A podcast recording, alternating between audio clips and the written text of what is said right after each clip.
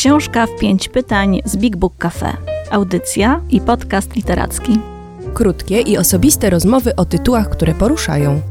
Rekomendacje, wrażenia, emocje. Tylko książki sprawdzone w czytaniu. Zapraszają ekipa Big Book Cafe i Radio Jazz FM.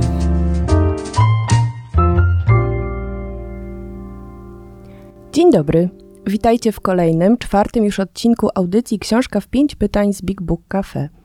Jak środę, y, jak co środę spotykamy się z wami, żeby porozmawiać o książkach, y, tych, które nas zaciekawiły, które zrobiły na nas wrażenie, wywołały emocje. Y, rozmawiamy o książkach, które naszym zdaniem są ważne i które moglibyście także przeczytać. My to ekipa Big Book Cafe, Ania Król, która dzisiaj jest ze mną. Dzień dobry. Paulina Wilk, Bartosz Kamiński i ja, Julia Rzemek. Rozmawiamy ze sobą co tydzień w duetach, w zmieniających się parach, dyskutujemy, wymieniamy się opiniami i sprawdzamy, które książki warte są uwagi. Dziś e, pod lupę weźmiemy nowość od wydawnictwa Marginesy. To jest książka pod tytułem Samotnica – Dwa życia Marii Dulembianki, napisanej przez Karolinę Dzimirę Zarzycką. E, ja jestem bardzo ciekawa tej e, biografii niesamowitej kobiety i zaraz będę pytać Anię Król, która jest świeżo po lekturze, o to, co w tej książce ciekawego znalazła. E, no, a nie będzie to chyba taka zupełnie łatwa rozmowa, bo książka jest e, opasła, prawie 600 stron, e, bardzo skrupulatnie zdokumentowana. Rzeczywiście świetna robota Karoliny Dzimiry Zarzyckiej. Widać, że nie tylko jakoś ją poniosła ta opowieść i zafascynowała postać bohaterki, ale też naprawdę włożyła mnóstwo pracy w to, żeby ta historia była wiarygodna, pewna i porządkowała nieznane, myślę, fakty z życia tej artystki. No właśnie, Maria Dulembianka to postać wielowymiarowa, która w życiu robiła mnóstwo rzeczy. Zapamiętana została jako malarka. E, nie mogła w Polsce studiować e, sztuk pięknych, ponieważ na krakowską e, akademię nie przyjmowano kobiet. Uczyła się malarstwa we Francji. Potem jej talent doceniono, ale ona znana była także z tego, że pisała, działała na rzecz kobiet, była aktywistką feministką, jak dzisiaj byśmy powiedzieli. Powiedz w tej biografii, Maria Dulembianka to przede wszystkim kto? No tak, to jest takie pytanie e, i łatwe, i trudne, bo ta postać faktycznie jest bardzo, bardzo wielowymiarowa. E, rzeczywiście przede wszystkim artystka, pochodząca z e, domu o takich tradycjach też dość artystycznych, na pewno domu, w którym dbano bardzo o dobre wykształcenie dzieci. Miała piątkę rodzeństwa. Jak czytałam tę książkę i potem jeszcze do niej wracałam, przygotowując się do dzisiejszej audycji, zamyślałam pomyślałam sobie, że e, to jest taka e, osoba, taki człowiek, którego los zostaje w pewnym sensie też naznaczony przez historię rodzinne i przez tradycje rodzinne. E, jej rodzice nie byli typową parą zamieszkującą Kraków końca XIX wieku. Ojciec, kiedy poznał matkę Marii Dulembianki, również Marię, był już wcześniej żonaty, miał z tego małżeństwa syna Józefa, a matka była świeżą wdową. E, poznali się, e, zamieszkali razem, mieszkali w Krakowie. E, I co ciekawe, na co też zwraca uwagę autorka tej książki, oni przez 10 lat mieszkali na tak zwaną kocią łapę. Ich, większość ich dzieci pochodzi ze związku pozamałżeńskiego. Dopiero ostatnie najmłodsze urodziło się już po ich ślubie, który wzięli właśnie po tych 10 latach. I tutaj Karolina Zarzycka też się zastanawia nad tym mocno. Zresztą konsultowała to z wieloma socjologami, socjolożkami, znawczyniami historii tamtego czasu, jak to w ogóle było możliwe w takim, mm, myślę, bardzo konserwatywnym jednak miejscu. Po pierwsze, to koniec XIX wieku. E, kiedy Patrzyło się szczególnie młodym panną na ręce e, i ta obrączka była bardzo ważna i jakoś się nominowała e, i nobilitowała. E, a jednak okazuje się, że oni prawdopodobnie żyli dosyć w takiej dużej akceptacji tego, tego układu, więc to jest ciekawe. Powiedziałam, że pochodziła z rodziny o takich konotacjach artystycznych. Jej ojciec był między innymi już w latach krakowskich sekretarzem Teatru Starego. To były czasy Hoffmanowe i to były czasy Heleny Modrzejewskiej, więc taki no, chyba największy rozkwit tego teatru przed początkiem jeszcze XX wieku. A sama, a sama Dulębianka od samego początku, podobnie zresztą jak większość jej rodzeństwa, zdradzała jakieś talenty artystyczne. Ona początkowo i muzykowała, i rysowała. Nawet chyba zaczynała od muzyki. Zresztą jej siostra Anna została muzykiem e, i studiowała muzykę w konserwatorium w Wiedniu, natomiast ona sama początkowo grała na skrzypcach. I to jest już pierwszy taki e, kawałek, może nie, nieistotny wydawałoby się, ale mnie jakoś zaciekawił jej biografii, w którym okazuje się, że e, od początku jakoś zdarzały jej się takie sytuacje, które były nietypowo typowo niekobiece albo nietypowo kobiece, e, bo gra na skrzypcach wówczas była uważana również za zajęcie typowo męskie. Uważało się, że kobiety akurat na skrzypcach grać nie powinny, że to w ogóle nie jest y, dla nich instrument. E, kobietom, jeżeli pozwalano na naukę muzyki, to najczęściej był to fortepian, po to, żeby mogły akompaniować e, czy śpiewać podczas jakichś spotkań rodzinnych i w zaciszu właściwie tylko domowym. Ona zresztą, myślę, że to zrobiła zrobiło na niej, e, odcisnęło jakiś rodzaj piętna, właśnie te, te zakazane skrzypce. Ona wprawdzie później tę karierę muzyczną porzuciła, ale e, jeszcze wielokrotnie wracała do tego w jakichś opowieściach swoich e, i tekstach. Nawet namalowała taki swój autoportret ze skrzypcami, który jest właściwie w takiej atmosferze bardzo męskiej narysowany, więc to, to też jest jakoś ciekawe. Ale ostatecznie okazało się, że jej główny talent to jest to, to, są dłonie, to jest rysunek, to jest kreska, to jest malarstwo. E, ona początkowo uczyła się, jak wszystkie panny wtedy na pensji, e, panny Maliszewskiej, i na tej pensji już zobaczono, zauważono, że ona ma talent rysunkowy. Wówczas głównie rysowała. No i od, od tego jakoś się zaczęło. Rzeczywiście było to e, też dosyć trudne zajęcie, bo e, o ile jeszcze dziewczynkom e, pozwalano uczyć się rysunku po to, żeby rysowały kwiatki, które mogą ozdabiać potem jakieś, nie wiem, makatki, no znowu, znowu ta funkcja ozdobna, tak? Kobieta jako upiększająca życie rodziny i życie, życie męskie. Ona właściwie zaczęła na poważnie zajmować się sztuką i studiować sztukę w Wiedniu, gdzie wyjechała jako 15 15-latka razem ze swoją siostrą Anną. Tam mieszkał już wtedy ich brat Władysław, który studiował prawo jako jedyny z tej rodziny nie poświęcił się sztuce. E, wyjechały do Wiednia i tam, a tam znalazły się nieprzypadkowo, właśnie dlatego, że Wiedeń był jednym z niewielu miejsc, w których dziewczynki mogły e, uczyć się w szkołach. E, I Maria zaczyna naukę w takiej szkole sztuki i przemysłu, a, a Anna właśnie w konserwatorium. Później jej droga zaprowadzi ją do Warszawy, zresztą wyjadą tam obie, sobie, prawdopodobnie mieszkają tam przez chwilę z rodzicami. Maria e, e, otrzymuje jakieś zapomogi z Towarzystwa Zachęty, więc widać, że ona już gdzieś zaczyna w tym środowisku artystycznym funkcjonować i tam e, uczy się nadal, to jeszcze nie są studia, w takiej słynnej bardzo pracowni malarza historycznego Gersona i tam spotyka się między innymi z Anną Bilińską, bardziej trochę znaną od niej koleżanką, malarką tamtego czasu. No i wreszcie obie trafiają do takiej bardzo prestiżowej szkoły w Paryżu, Akademii Julien, gdzie już studiują, e, ale nadal jest to prywatna szkoła. E, to nadal jest czas, w którym dziewczynom nie pozwala się studiować w akademiach. I to zresztą jest też dosyć ciekawe, bo ona od właściwie najmłodszych, takich może już nie dziecięcych, ale młodzieńczych lat skupia się na tym w swoim myśleniu, w mówieniu, w opowiadaniu, ale też w pisaniu. Skupia skupia się na tym wątku właśnie niedostępności edukacji dla kobiet. To będzie taki wątek, który się będzie bardzo przewijał przez e, jej e, twórczość, taką publicystyczną przede wszystkim.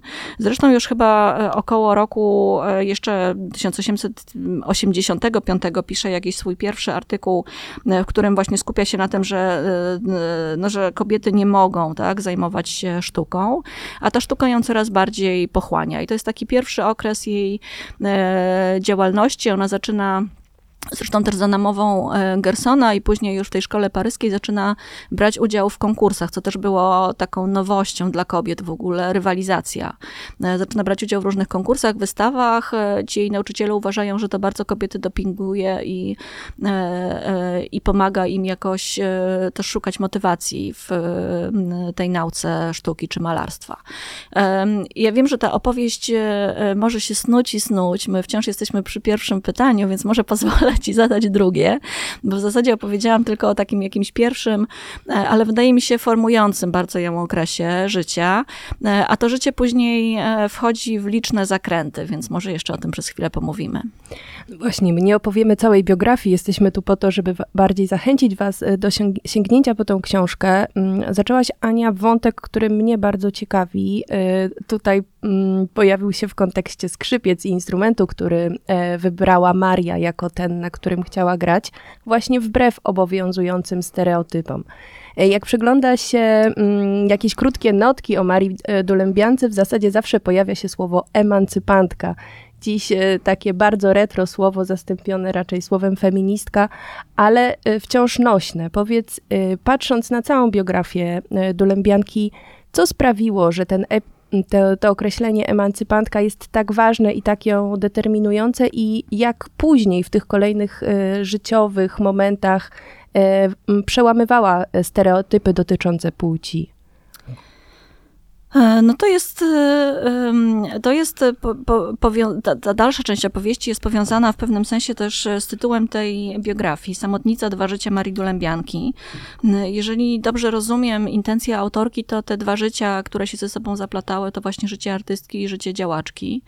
E, I o ile to pierwsze właściwie nie było dla niej bardzo um, łaskawe, dlatego że Dulębianka, owszem, jest, jeśli jest dziś znana, rozpoznawana, to nazwisko rozpoznawane, e, to łączy się je przede wszystkim z malarstwem, ale e, ona e, nie zostawiła po sobie bardzo jakiegoś, jakiejś bogatej spuścizny. Bardzo wiele z jej dzieł nie przetrwało. Natomiast ona od chyba samego początku, odkąd była dziewczynką, żyła w takim przekonaniu, że może więcej. I, i to ją na pewno jakoś bardzo ukształtowało. Emancypantka, tak. Emancypantka chyba bardziej nawet nawet niż sufrażystka, to słowo e, w Polsce zrobiło karierę e, także ze względu na książkę Bolesława Prusa, która została wydana chyba w latach 90. XIX wieku. Co ciekawe, e, to środowisko emancypacyjne, które Prus, opi Prus opisywał, opisywał w sposób dość prześmiewczy. To wcale nie był pochwalny pean na temat kobiet, które coś mogą. To zainteresowanie Dulębianki walką o równouprawnienie kobiet brało się przede wszystkim wszystkim, czy też wzięło się przede wszystkim, tak mi się wydaje, e, z jej pragnienia zapewnienia e, równego dostępu do edukacji. Ona o, tej, e, o tym edukowaniu dziewczynek, o dawaniu im możliwości uczenia się, przede wszystkim właśnie sztuki, pisała bardzo dużo. Natomiast chyba taką E, sławę w tym środowisku e, feminizującym, e, choć wtedy oczywiście jeszcze tak go nie nazywano, dał jej taki manifest, który napisała w 1895 roku. Miała wtedy 37 lat. W Lwowie powstało takie pismo Ster, założone przez Paulinę Kuczalską i to jest taki dwutygodnik, no właśnie feministyczny, w którym po raz pierwszy zaczęto w taki jawny sposób publikować teksty, artykuły artykuły, e, eseje dotyczące losów e, kobiet. To jest zresztą e, też miejsce, ten Lwów, który był wówczas bardzo rozpolitykowany i taki bardzo hmm, chyba dobry grunt właśnie dla kobiet, które pragnęły czegoś więcej dla siebie niż tylko bycia żoną i matką. I ona pisze artykuł pod tytułem Kołaczcie, a będzie wam otworzono. Podobno napisała go w buncie przeciwko publikacjom, które się wówczas jakoś e, bardzo intensywnie ukazywały i które krytykowały dążenie kobiet e, e, do nauki, dążenie do tego, żeby wyzwolić się z takiego piętna właśnie rodzinnego. Była jakoś mocno tym wstrząśnięta i oburzona. Oczywiście te teksty pisali mężczyźni. I opublikowała ten tekst, który stał się takim tekstem kanonicznym. Właściwie od tego momentu zaczyna się jej e, drugie życie i taka druga e, kariera, może nawet mm, intensywniejsza, bo bardziej dojrzała, bardziej świadoma, związana z jej e, działalnością polityczną i z jej pragnieniem po pierwsze wejścia na przykład do Sejmu. Ona była pierwszą kobietą, która w ogóle kandydowała, była kandydatką do Sejmu. Do tego Sejmu jej się nie udało dostać z różnych różnych przyczyn. E, jedno z nich było to, że e, e, kobiety nie mogły głosować, nadal jeszcze wtedy nie miały prawa głosu jeszcze przez kilka lat mm, kilkanaście lat i mogły tylko oddawać swój głos za pośrednictwem mężczyzn. I, I, to był jeden z powodów, dla których ta Dulębianka nigdy do tego Sejmu nie weszła. W audycji Książka w pięć pytań z Big Book Cafe y, dziś e, rozmawiamy o biografii Marii Dulębianki, malarki, feministki, pisarki, a prywatnie kobiety związanej z Marią Dąbrowską, Marią Konopnicką. E, Ania, powiedz proszę trochę więcej o tej relacji, która łączyła obie Marie. Tak, Maria Konopnicka, chociaż Maria Dąbrowska, która tutaj się pojawiła jako taka freudowska pomyłka, Dokładnie. wydaje mi się, że zupełnie nieprzypadkowo, bo e, przecież niedawno mieliśmy bardzo ciekawą książkę e, pokazującą związek Marii Dąbrowskiej i Anki Kowalskiej. E, I tutaj mamy kolejną ciekawą opowieść o dwóch kobietach, które zdecydowały się na wspólne życie. E, ta historia nie jest przez Karolinę e, Dzimirę Zarzycką opowiedziana do końca. To znaczy, ona bardzo starała się dotrzeć do jak największej liczby dokumentów, e, podań, opowieści, listów, jakichś wspomnień, a nawet publikacji prasowych, czy, czy właśnie nawet, to powinnam powiedzieć, nawet portretów i, i innych obrazków wizualnych, które które jakoś mogły przedstawiać ich wspólne życie. E, tego w gruncie rzeczy nie było zbyt dużo, ale e, ta część książki e, poświęcona relacji tych dwóch e, e, artystek, tych dwóch twórczyń jest bardzo ciekawa i bardzo przyjmująca. Nie wiadomo do końca, kiedy się poznały. E, prawdopodobnie po raz pierwszy w taki świadomy sposób spotkały się w 1889 roku. To, co wiemy na pewno, to to, że bywały w tych samych środowiskach warszawskich i tam mogły się poznać. Podobno to Konopnicka zwróciła uwagę na Marię Dulębiankę, która już wówczas e, z jednej strony była e, znaną e, malarką, ponoć zafascynowaną twórczością Konopnickiej, ale też dość osobną. Myślę, że ona była osobna z bardzo wielu powodów. Jej wygląd też był dosyć osobliwy, bo te mm, opowieści o tym, jak Dulębianka w tamtym czasie wyglądała, e, no są dość urocze. To znaczy, ona miała, była dosyć wysoka, miała i bardzo szczupła, miała wygląd takiego e, młodego urwisa.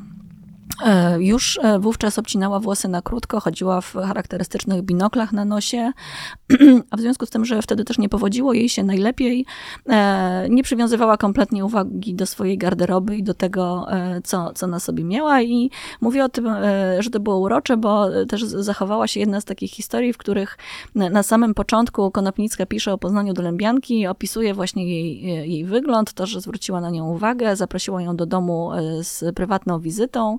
E, I e, tuż po tej wizycie, e, oprócz streszczenia mniej więcej o czym rozmawiała, opowiada też o tym, że cerowała jej garderobę, więc to jest też ciekawe, że jakby weszła też w taką rolę opiekuńczą. Co je łączyło? Na pewno były w związku i na pewno ten związek był związkiem takim bardzo zażyłym. Mówiło się wówczas o takim koncepcie jak małżeństwo bostońskie, które określało właśnie taki długoterminowy związek pomiędzy dwiema kobietami. To jest też w ogóle bardzo ciekawy wątek, którego pewnie nie zdążymy tutaj w całości omówić, mianowicie to, że e, było, był to czas takiego dużego przyzwolenia na pozostawanie kobiet w związkach ze sobą, choćby dlatego, że nie dopuszczano w ogóle e, do siebie myśli o tym, że ten związek może być na przykład związkiem też intymnym, erotycznym. Wydawało się oczywistym, że panienki na pensjach się razem trzymały, że się przyjaźniły, że często e, to, że miały mężów, to nie znaczyło, że nie miały też bliskich przyjaciółek. E, Konopnicka była wówczas w separacji ze swoim e, mężem. Zresztą do końca życia e, formalnie się nie rozwiedli. Natomiast Dulębianka była samotnicą. To jest zresztą też ciekawe określenie. Sama zresztą namalowała taki bardzo przejmujący obraz pod tytułem Sama jedna chyba, który pokazuje właśnie taką kobietę z jednej strony wyczekującą, z drugiej strony właśnie zostawioną samej sobie. Spędziły ze sobą e, czas do 1910 roku, czyli momentu śmierci Konopnickiej. Właściwie były e, nierozerwalnie związane. Przede wszystkim e, ich życie to jest nieustanny ciąg podróży. One bez przerwy się przemieszczały. Mieszkały w bardzo wielu miastach europejskich. Od Wiednia, do którego wracały chyba pięć razy i tam mieszkały po kilka miesięcy. Niemcy, Szwajcaria, Włochy, Francja, więc to były ciągłe podróże. Konopnicką za granicę pchało między innymi to, że miała wówczas, kiedy poznała Dulębiankę, bardzo duże problemy ze swoją psychicznie chorą córką. Wiązało się to z licznymi skandalami, które wybuchały też w prasie i ona szukała jakiegoś, jakiejś takiej ucieczki, trochę wolności i przestrzeni do pisania. I tak wyjechały po raz pierwszy i potem właściwie nigdy na stałe, nigdzie nigdzie nie osiadły. To jest o tyle też ważne, że związek ją na pewno ukształtował. One też zresztą obie były bardzo świadomymi działaczkami na rzecz e, właśnie kobiet, ale też osłabił ją jako e, artystkę. W związku z tym, że ona nigdy nie udało jej się osiąść w jakimś jednym miejscu i założyć tam swojej pracowni, to ona w zasadzie nie związała się bardzo mocno z żadnym środowiskiem e, artystycznym. Była bardzo osobna i chyba bardzo w tym zagubiona. Mnóstwo pytań, mnóstwo wątków dzisiaj. Na koniec, ostatnie pytanie, Ania. Trzy rzeczy, które ciebie najbardziej w tej książce zaskoczyły. Zaskoczyło mnie pewnie kilkadziesiąt, nie trzy. Można się skupić na ciekawostkach, e, takich, które są jakoś powiązane z nie do końca znanymi faktami z życia Dulębianki, jak na przykład to, że e, podobno jej pracę recenzował sam Matejko. E, to, że to w jaki sposób umarła, bo to też jest bardzo taka tajemnicza, niewyjaśniona historia. Podobno umarła dlatego, że okryła się kocem zarażonym tyfusem. E, to jak bardzo była świadoma właśnie swojej z jednej strony siły i możliwości walki o to, żeby kobiety miały się dobrze. No tych rzeczy jest naprawdę mnóstwo i właściwie to, co mogę zrobić, to odesłać do lektury tej e, książki.